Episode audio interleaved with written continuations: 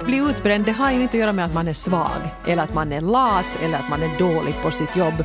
Utan som någon skrev, det är ju som ett sjukdomstillstånd. Ofta man kanske är lite för bra på det vad man gör och lite för ambitiös. Så det är Ja. därför som det sen blir för mycket. Men ingen säger ju om du bryter benet, att varför gör du nu sånt där dumt? Att skärp dig, stig Ja. upp. Ja.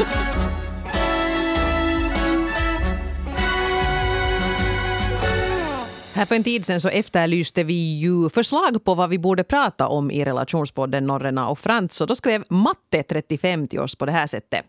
Ni borde prata om utbrändhet och också om hur man blir bemött när man är utbränd och sjukskriven. Om du till exempel går till mataffären och råkar träffa en kollega, frågar hen då hur du mår, ignorerar hen dig eller drar hen till med någonting i stil med “sov nu ut ordentligt så blir det nog bra”.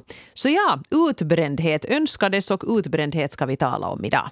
Ja, och det är ju inte bara den utbrända som det drabbar, utan det drabbar ju också de som finns runt omkring en. Att är det sen din partner eller dina barn eller kompisar, vem som helst, att hur de egentligen bemöter dig som utbränd. För att jag tror att det kan vara lite svårt det där också, om att om man inte har varit i den situationen så kan det vara svårt att förstå hur pass lamslagen man faktiskt kan bli då man på riktigt går in i väggen. Det är inte någonting man bara sover bort på, på någon vecka nödvändigtvis om det har gått riktigt långt.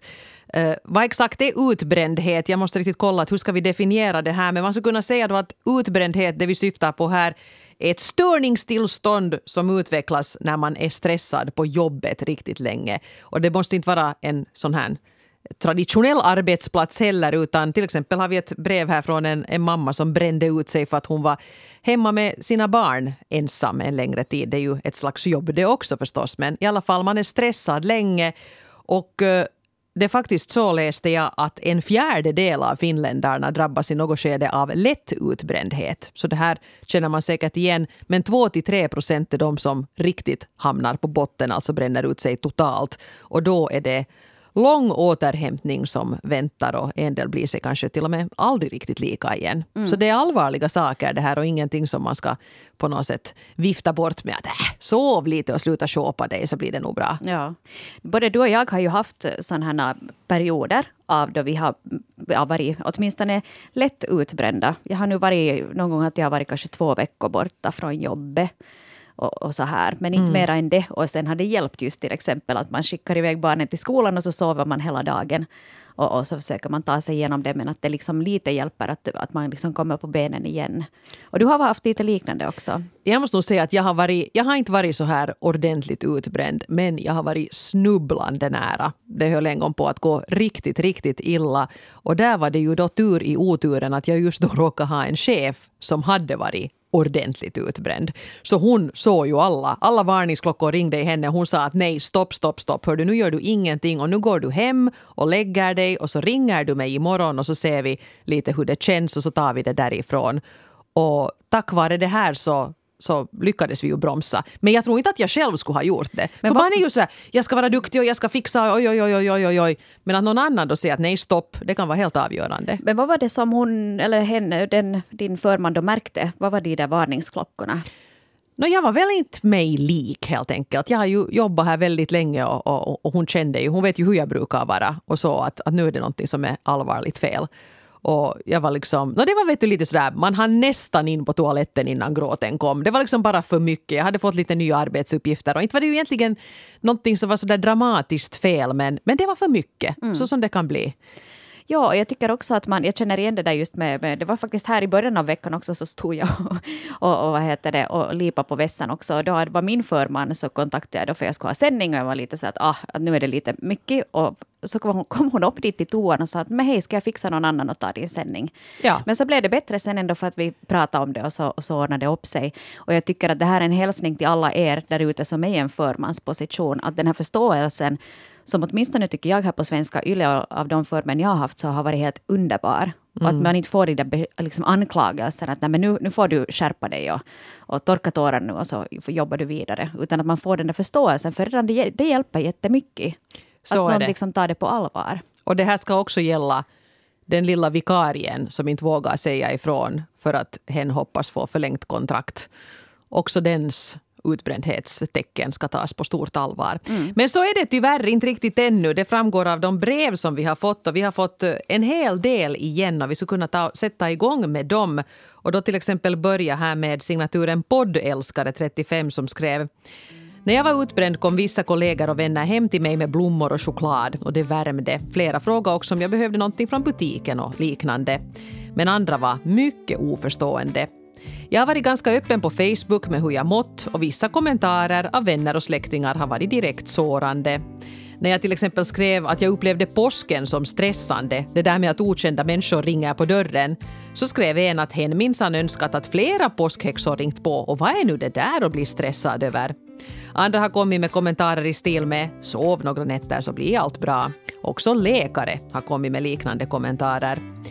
Jag är nu tillbaka på jobbet igen och har generellt fått ett bra bemötande men en kollega verkar inte ha förstått varför jag varit sjukskriven och kräver att jag ska hjälpa henne att skriva olika skoluppgifter och dylikt. Mm. Så väldigt varierande mottagande har poddälskare 35 Minst fått. sagt, ja. ja. Jag förstår jättebra det där med till exempel de här påskhäxorna.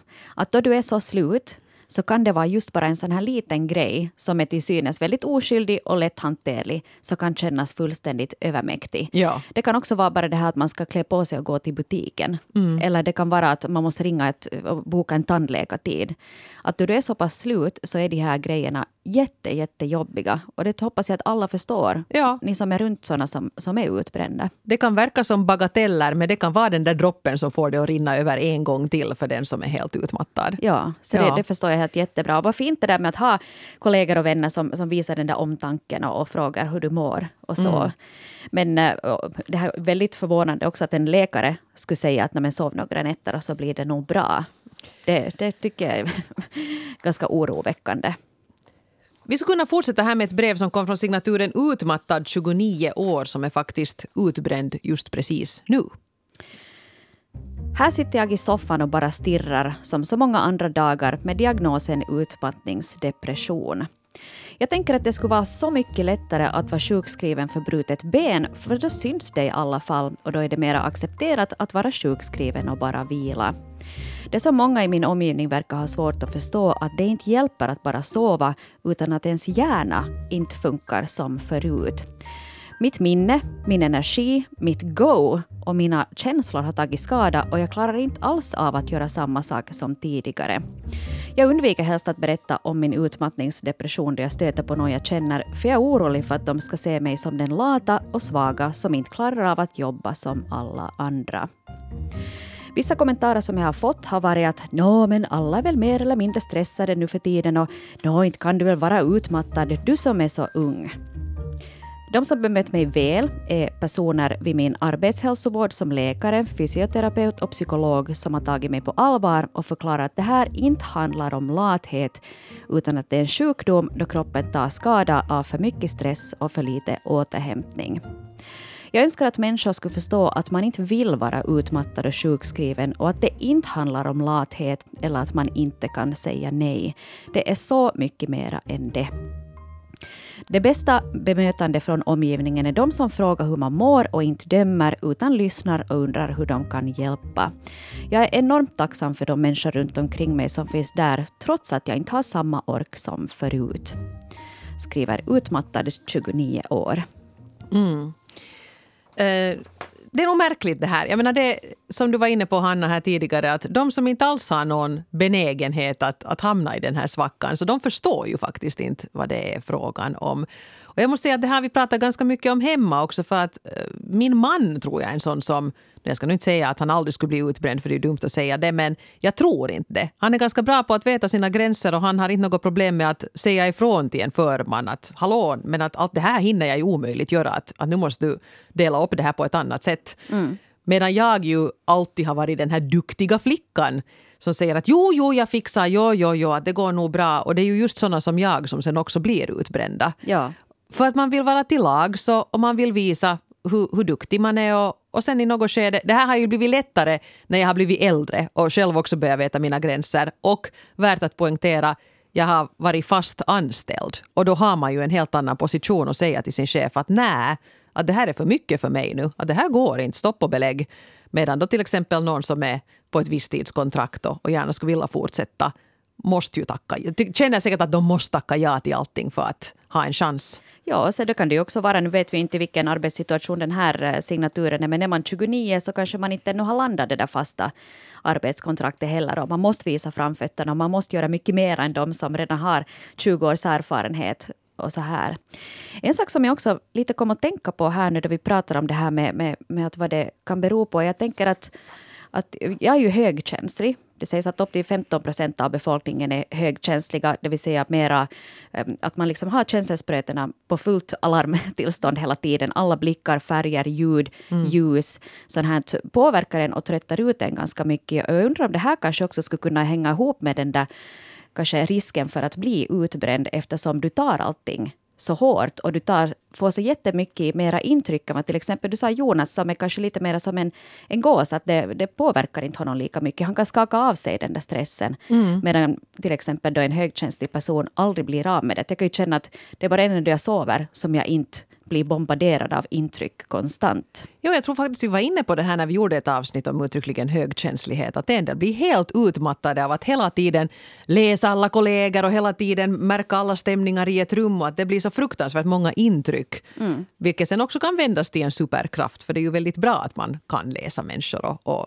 jag menar, att ha en högkänslig chef när man håller på att bli utbränd, det är ju en drömkombo. Ja. Kommer det att, men hör du, nu mår du inte bra. Vad ska vi göra åt det här? Ja, precis. Ja. Så det, det är ju förstås ingenting är bättre eller sämre än det andra, utan vi är nu bara lite olika.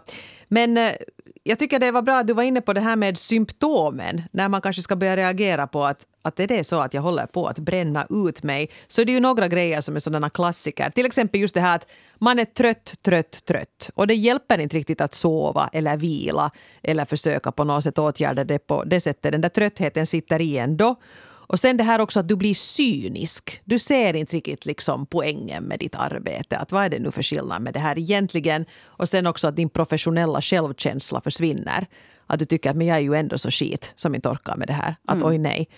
Och det, det som sades, jag läste någonstans att det här med nu alla har ju säkert sömnsvårigheter någon gång, men om det börjar gå två veckor utan att du har sovit ordentligt, så det är då som du verkligen ska börja inse att det här är ett problem nu och någonting måste göras. Ja, och där tycker, vill jag faktiskt äh, äh slå ett slag för läkemedelsindustrin, för att jag hade också i något skede äh, en lång period där jag inte sov och, och liksom vakna upp med så här panik, eh, äh, ångest, liknande symptom och sånt här.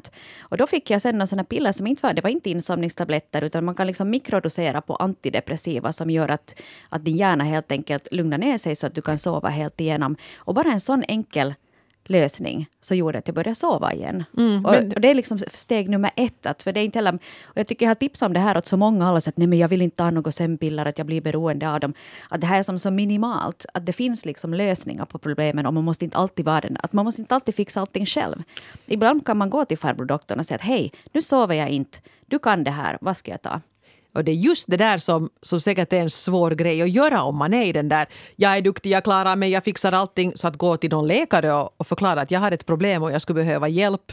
Redan det känns säkert väldigt avlägset. Men det är ju just det förstås man ska göra. Mm. Att är det nu sen då antidepressiva eller någon sorts eh, preparat eller, eller sjukledighet eller vad det än är så måste man ju be om hjälp. Ja. För det är inte alls sagt att man fast man tror att man är jätteduktig och man försöker vara jätteduktig, att man kommer att styra upp det här själv. Ja, och sen jag brukar säga det också emellan jag har stött på kollegor som har varit, jag har sett de samma varningssignalerna hos dem, att kom ihåg att du, det finns inga tapperhetsmedaljer som delas ut vet du, på julfesten. Ändå. Ja att du, behövs liksom, du behöver liksom först ta hand om dig själv. Att sen är det din förmans uppgift att se till att firman rullar. Och jag faktiskt såg, jag tror det var här på jobbet någonstans, så hade någon satt upp en, en lapp där det stod på engelska. Jag försöker nog bara fritt komma ihåg det på, på svenska. Det brukar gå jättebra. Det brukar gå jättebra det här. jag är idel öra. Nu ska vi se vad det kommer. Ja, men de sa att, att alla chefer borde vara väldigt uppmärksamma på då deras mest passionerade arbetstagare blir tysta. Mm. Då har det liksom farit. Det var kanske lite det som min chef sa då. Ja. Att varför säger hon ingenting? Va, vad är det för fel? Man blir liksom blasé ja. och man orkar inte bry sig. Ja. Och man har liksom tappat sin, som den här också skrev, tappat sin go. Exakt, ja. Mm. Det där... Eh, nu har vi fokuserat ganska mycket om utbrändhet på jobbet men eh, utbrändhet märks ju nog av också i hemmet och i den sociala kretsen. Och här skrev till exempel kvinna 53 så här. Min man och min mamma har haft noll förståelse när jag har rasat samman. Trots att jag har försökt förklara att jag är nu på riktigt helt slut har kraven på mig, min tid och min ork fortsatt precis som vanligt. Jag har ett vuxet barn som skulle förstå det här bättre men åt henne har jag inte velat visa hur dåligt jag mått. Chefer och kollegor har däremot varit underbara och om jag nu ska vara helt ärlig vet jag inte hur bra partner jag själv skulle vara om det varit min man som gått i väggen. Hmm. Hur göra när man själv mår okej okay, men partnern rämnar ihop? Mm. Och jag tror att det naturliga svaret är väl där att no, men då får man väl kavla upp ärmarna och göra lite extra mm. medan den återhämtar sig. Men jag kan också förstå den där partnerns frustration om det är någonting som drar ut på tiden. Att om du har en partner som ligger i sängen i ett halvt år, då kan det ju vara svårt att, eh, att veta no, men var går liksom gränsen, hur mycket ska jag då sen behöva ta? Ja. Ja, och, och då är ju A och O det att den där partnern ändå ser allvaret i det hela och inte bara är sådär att men stig upp nu och hjälp till. För att det kanske inte den här utbrända är kapabel till just då. Mm.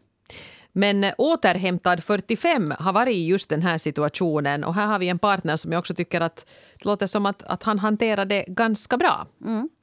Skriver så här. Jag sov på soffan hela dagarna. Jag släpade mig till dagis på eftermiddagen för att hämta barnen. Om min man inte hunnit handla och laga mat så hände det att jag köpte färdig mat i den dyra närbutiken för längre än så så orkar jag inte. På kvällarna så låg vi i en hög på soffan och tittade på film. Jag låg underst och sov. Min man skötte hushållet och barnens hobbyer. Han var verkligen en klippa. Men han fortsatte ändå att leva som vanligt.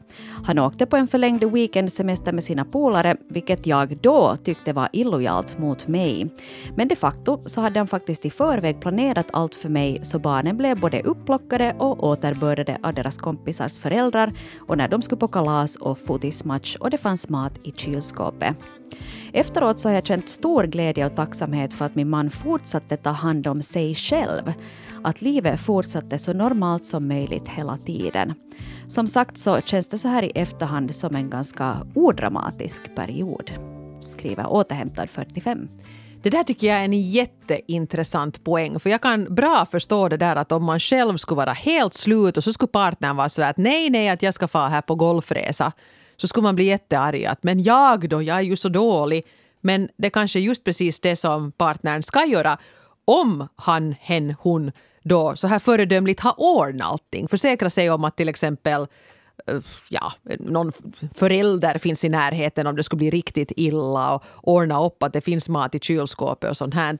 Så då tror jag nog absolut det är bättre och säkert också för barnen att säga att, att det är ju ändå ganska så vanligt att pappa får på golfresa. Mm. Kiva.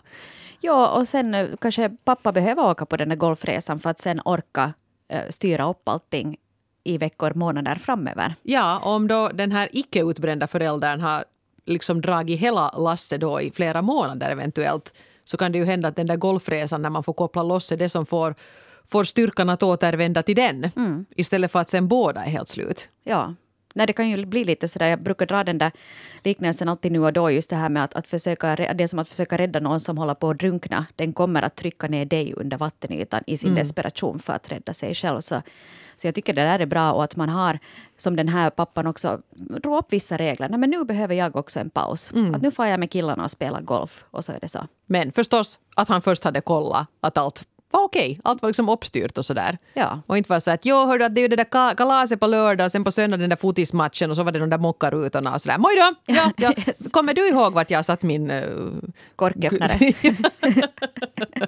jag skulle säga mina golfskor eller någonting ja. sånt. Ja. Men uh, exakt, int intressant. Och att, intressant också att återhämtad 45 så här i efterhand också kan säga att det där var det vettigaste att göra. Mm. Uh, tänkvärt. Här har vi ett riktigt eh, jobbigt men också väldigt tankeväckande brev som kommer från signaturen Duktig flicka som inte duger 35 som har levt med faktiskt två utbrända och de här två utbrända var då hennes föräldrar. Mina föräldrar brände ut sig. De kämpade för att jag inte skulle märka vad som hänt men jag märkte ju ändå och försökte göra mig osynlig för att inte vara till besvär. Sen började jag ta på mig en massa ansvar fast jag bara var 12 år gammal. Jag lärde mig till exempel att laga riktig mat på spisen för att inte besvära föräldern som bara sov och sov eller den andra som jobbade sig sjuk för att kunna försörja oss. Det här perspektivet talas det sällan om eftersom inga barn vill skuldbelägga sina föräldrar. Det var ju inte så att mina föräldrar krävde någonting av mig utan jag gjorde bara det jag kände att jag behövde göra. Och jag blev själv sjuk till sist. Det fanns inget stöd att få för barn till utmattade föräldrar, åtminstone inte på svenska. Det finns flera lillgamla barn som tappert tar på sig ansvar som är för stora för dem. De har lärt sig av sina föräldrar att man ska hålla masken och låtsas som att allt är bra tills det blir stopp. Duktig flicka som inte duger. 35 mm. hade skrivit in det här hjärtskärande brevet. Ja, det är ju faktiskt hemskt. En tolvåring som, som lagar mat för att det ska gå runt. Det är ju både fint och samtidigt också väldigt sorgligt hur lojala barn är mot sina föräldrar. Att man, mm. den här då ville, ville hjälpa till och ville styra upp och kanske laga då lite spaghetti. Kanske det fanns ett syskon också, att man sköter om lillebror. Ja, vi kan ju inte bara äta smörgåsar här nu, att vi måste någonting hitta på. Att det är ju faktiskt jättehemskt. Och, och sen förstår jag också det här att om man är i den där situationen så inte kanske man går till skolkuratorn och förklarar hur det är hemma för att man vill ju inte prata illa om den där stackars föräldern som ligger där och, och, och mår hemskt. Mm. Och då blir det en sån där. Men det, det är ju just det där att, att man själv skulle vara den här, man ska bränna ut sig så måste man kanske fatta att barnen ser det ju nog. Man kan inte låtsas som ingenting utan kanske hellre då vara uppriktig och säga att nu är det så här att jag är jättetrött, det har varit helt för mycket på jobbet och jag går inte till jobbet nu på en tid för jag måste sova och sova och sova. Men det kommer säkert att bli bra. Och skulle du vilja gå till kuratorn och prata om det här så får du säga vad som helst till kuratorn och det är okej okay med mig. Mm. Ja, att man ger barnen det där frikortet. Ja. Att uh, kanske söka sig någon annanstans. Ja, och det är inte meningen att du också ska nu börja må illa av det här att, att jag är så svag. Nej, jag, jag måste säga att jag vet inte, men jag tänker just i skolan så har de ju nog säkert uh, också lite mera tips och råd på var man kan få den där hjälpen. För nu finns det ju stöd för barn att få. Men mm. barn kan ju inte googla sig fram till det. Eller okej, okay, no nu märker man ju också att det finns ju många sådana här hjälpchattar och, och sådana här nummer som man kan ringa just om Manneheims barnskyddsförbund som har mm. sådana öppna kristelefoner och sånt här dit man kan ringa. Men du ska vara ett ganska driftigt och modigt barn för att lyfta upp luren och, och sen ringa och säga att hej, att, att pappa bara eh, sover och, och vi har ingen mat hemma. Nej, exakt. Ja, så det där är nog en, en jättejobbig situation. Det kanske är sånt också som det borde pratas mer om i skolan. Ja. Att, eh, att det, eftersom utbrändhet ändå är så vanligt. Ja, eller du, depression eller vet ja. du, mental ohälsa eller missbruk och allt sånt här. Att det, det är så lätt att de där barnen börjar ta på sig skulden också. Som den här som skrev att jag, jag vill vara helt osynlig så att det inte blir ännu värre för mina föräldrar att jag på något sätt stör dem. Mm. Och jo, du ska få störa dina föräldrar fast de, fast de är utbrända.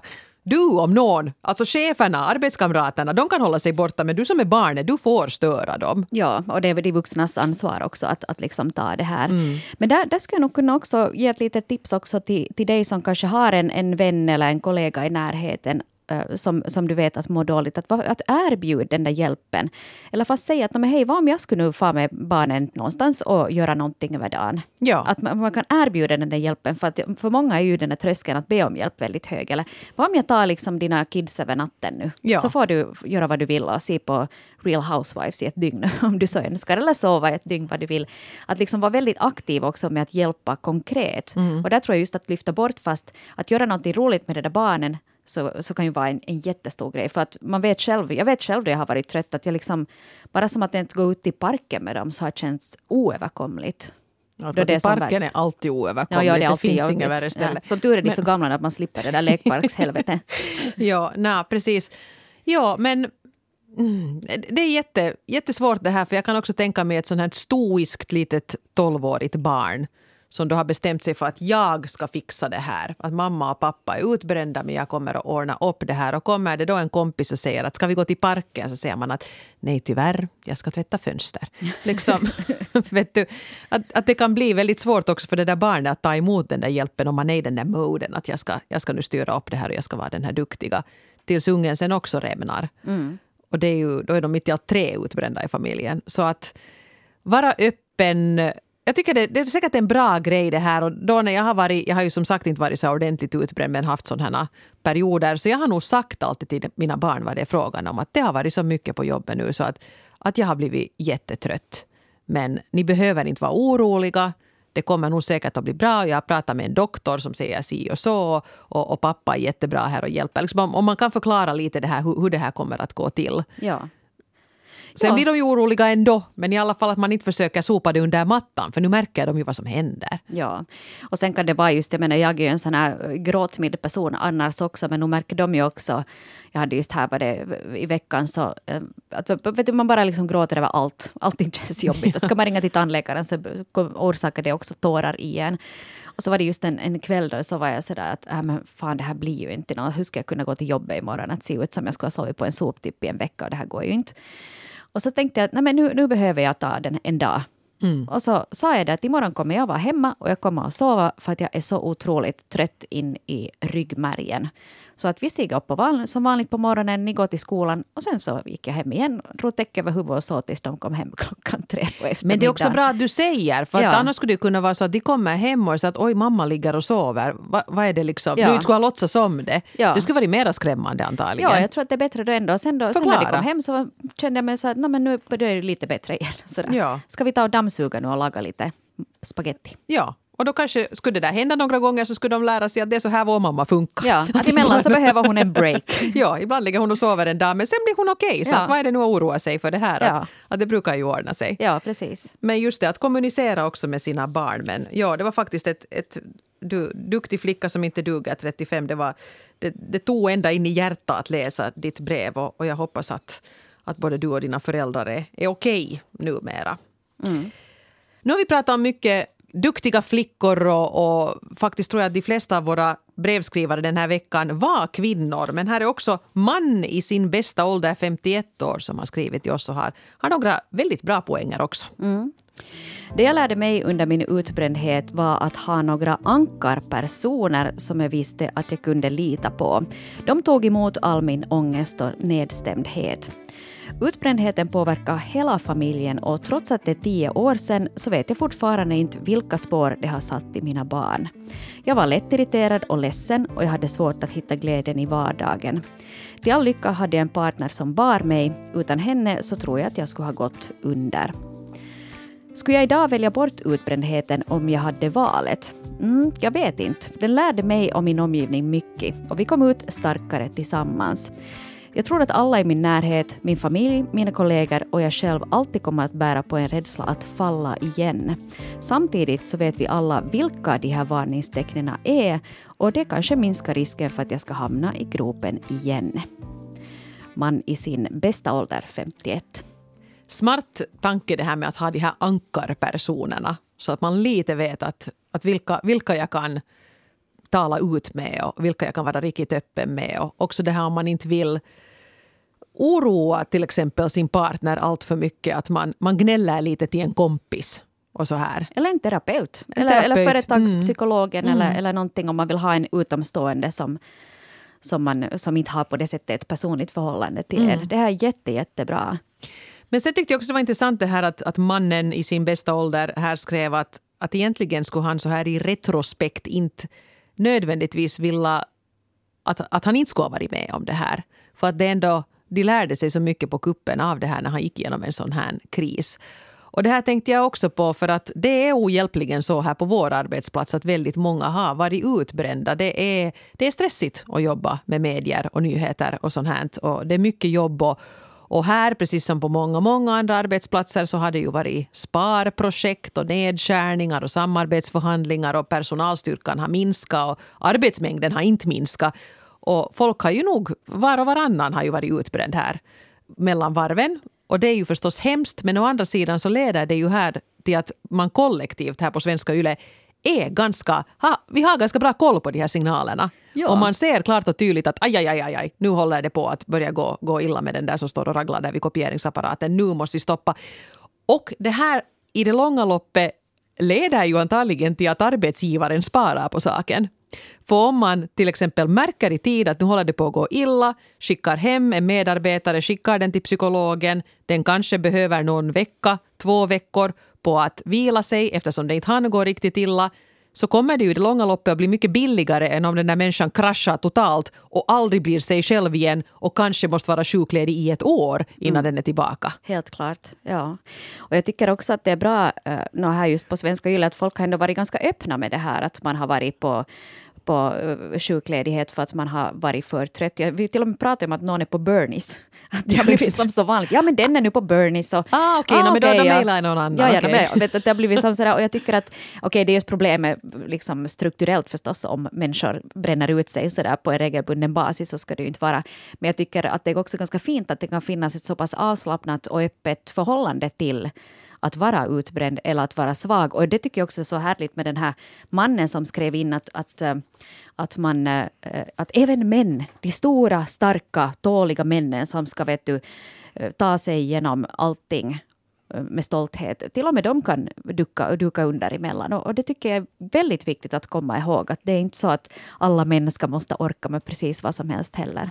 Ja, för att bli utbränd det har ju inte att göra med att man är svag eller att man är lat eller att man är dålig på sitt jobb. Utan som någon skrev, det är ju som ett sjukdomstillstånd. Ofta man kanske är lite för bra på det vad man gör och är lite för ambitiös. Så det är ja. därför som det sen blir för mycket. Men ingen säger ju om du bryter benet, att varför gör du nu sånt dumt?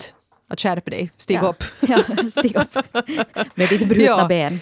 Men, men däremot om du har en någon psykisk åkomma så är det betydligt svårare att på något sätt motivera det till och med kanske för sig själv. Mm. Vi fick ett långt brev här från mamma 40 år som faktiskt har varit med om utbrändhet på många olika plan. Och jag har kortat ner det här nu lite men, men så här bland annat skriver hon. Den första gången jag blev utmattad var jag vårdledig och hemma med två barn medan min man reste mycket. Det ena barnet sov dåligt och jag vilade inte om dagarna eftersom jag hade så mycket som jag tyckte att jag måste få gjort mellan klockan 06 och 23. Det här slutade med att jag brakade samman totalt, hade 150-170 i puls, benen vek sig och jag fick ringa min mamma mitt i natten. Vi ringde 112, det blev ambulans och läkarundersökningar. Jag trodde jag skulle dö, men neurologen sa torrt, du är trött, far hem och vila dig. Ja tack, det var ju jättelätt. När jag ett år senare återhämtat mig och började arbeta blev jag som en magnet för uppgifter som andra inte ville ha. Jag var den duktiga flickan och ja-sägaren och det här ledde till att jag fick en utmattningsdepression. Den här gången mera psykisk än fysisk, alltså ångestattacker, tvångstankar och depression. Den här gången visste jag ju ändå att återhämtningen skulle ta tid så jag bad om medicin och hjälp. Ett av mina barn blev samtidigt utmattad och när det gällde mitt barn var det ändå lättare för mig att bromsa innan det small till allt för hårt. Så jag sjukskrevs i perioder för att orka med det viktigaste, familjen. Men det kan vara svårt för omgivningen att acceptera att du inte längre säger ja till allt. Det kan göra ont när man mister fler och fler bekanta för att man inte ställer upp precis som förr. Jag är fortsättningsvis social och har många bekanta för mitt jobb är sånt, men många vänner har fallit bort genom åren. En del skulle säkert ha fallit bort ändå, men andra har inte kunnat hantera att jag blev sjuk och har sagt det rakt ut till mig. När man är sjuk så drar man ju sig undan för orken finns inte och där kunde vännerna kanske istället ta kontakt. Så tips om du har en utmattad kompis eller vänner med psykisk ohälsa i familjen. Reach out, ta kontakt. De kanske inte orkar hålla sociala kontakter och då får de friska bära det ansvaret. Och fast de säger nej, ta kontakt igen efter en tid. Glöm inte bort dem, för de behöver dig. Skriver mamma 40 år. Så fint. Ja. Så mycket klokhet, visdom i, i det här brevet. Och mamma 40 vet verkligen vad det handlar om, att man kan vara utbränd på många olika plan. Är det sen liksom att man är hemma med små barn som inte sover, eller är det, det att man är den duktiga ja-sägaren på jobbet? Mm. Jag tycker också att det här är, väldigt bra som summering också, det här att, att de friska ska styra skutan framåt. För jag kan också känna att jag har varit väldigt trött i perioder. Att, att jag, jag skulle vilja ta kontakt kanske med, har dåligt samvete för att jag inte träffar några kompisar. Men jag orkar inte höra av mig. För Nej. det känns som att jag orkar inte säga någonting. Jag har ingenting att säga, jag har ingenting att ge. Det är bättre att bara vara för mig själv. Och fast då en kompis hör av sig och säger att ska vi hitta på någonting och du känner nej så kanske det känns lite bra att, men att jag är inte bortglömd. Att, att det var ju ändå kiva att hon ringde. Ja. ja. Här hade faktiskt mamma 40 år också en lista på extra störiga saker som folk hade sagt till henne. Så att vi kan ju försöka summera det här nu. Att om du är anhörig, kollega eller kompis till en som bränner ut sig så kan du ju försöka låta bli att säga åtminstone det här. Men du ser ju så frisk och fräsch ut. Eller ja, jag är nog trött jag också. Nej. Har du inte börjat jobba ännu? Är du hemma ännu? Jobbar du 50 procent? Ja, men nu är väldigt mål att gå upp i 100 procent igen. Vad du är duktig! Oj, vad du har städat fint! Väckte jag dig? Klockan halv två på eftermiddagen. Alltså, du har barnen på dagis fast du är hemma. Nej, nej. Jag måste nog säga att din mamma ställer upp för mycket. Mm. Nej, nej, stort nej till alla de här. Låt bli att säga sådana saker. Och inse det här att utbrändhet är inte någonting man sover bort och respektera, respektera att den här personen kommer att behöva tid. Och att det där är varierande. Alla behöver lite olika men att man ska inte lägga sig i där utan man bara ser vad som händer och försöker stötta och supporta och vara snäll vid sidan om under tiden. Och sen att om du har då någon i din omgivning som är utbränd så kom ihåg att också ta hand om dig själv. Mm. Gör saker som du får energi av så, så du kan orka lite bättre också om du själv är utbränd eller märker att det håller på att gå i den riktningen. Det är svårt förstås att ta något direktiv. Men om jag nu någonting skulle försöka ta ut av det här så är det ju ta emot all hjälp som erbjuds dig. Om dina vänner frågar att kan vi gå till matbutiken så säg att no, jo tack, mjölken är faktiskt slut. Och känn inte den där skulden att du är misslyckad på något sätt för att det har gått på det här sättet. För att som sagt var, en fjärdedel av alla människor i Finland bränner ut sig lite grann i något skede och väldigt många bränner ut sig totalt för att de inte har kunnat bromsa i tid.